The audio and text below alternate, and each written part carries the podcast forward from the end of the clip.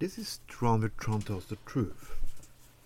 I got a new job. Yeah, I can pay my rent again. Well, I could overpay my rent, but I'm not on social services anymore. They like me. I make my own money. But it's a little bit better because I can live on the wage that I got now because I don't have that much spending. No, I don't spend that much. I have most things. I have shelves full of books. I got DVDs. I got I got a lot of things already. I don't have to buy more and more and more and more. But if I don't buy more and more and more, they cannot create jobs. So we buy more and more and more. But to do that, we have to work more and more. And then we have to create new jobs so they can work more and more. Isn't this exhausting? Isn't it fucking bullshit? Is it is it is it strange that the world is collapsing? We're working more and more to buy more and more so people get more and more profits. And that is the aim of success. This is fucking bullshit. I just want a quiet life. When people think about quiet life, like so on, like they want let's go back to the countryside and live with nature and all that fucking crap. No, I don't. I'm a city boy. I love to live in a city. I love to go to theaters, cinema, and so on.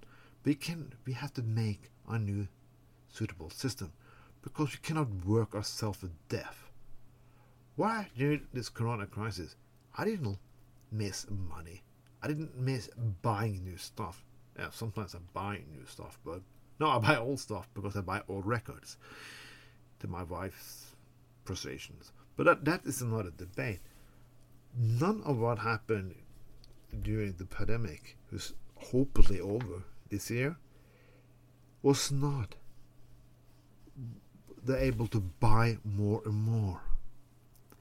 It was ah, I just wanted to live. I just want to go out, meet people, hug people, shake people's hands, and fucking get fucking wasted. That was what I missed. Not buying three, four fucking cars, work myself to fucking early death, and see some hedge fund managers steal all my fucking retirement money, and so, so I was screwed up and I getting older. No, I just wanted to fucking live.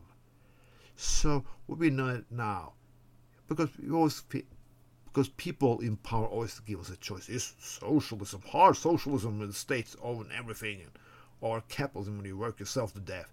Well, what is worst? I don't know fucking what's worst. I just want to fucking live. So we have to find a new system who doesn't match everything in fucking money. Who not the the stock market is, is not how we deal with success.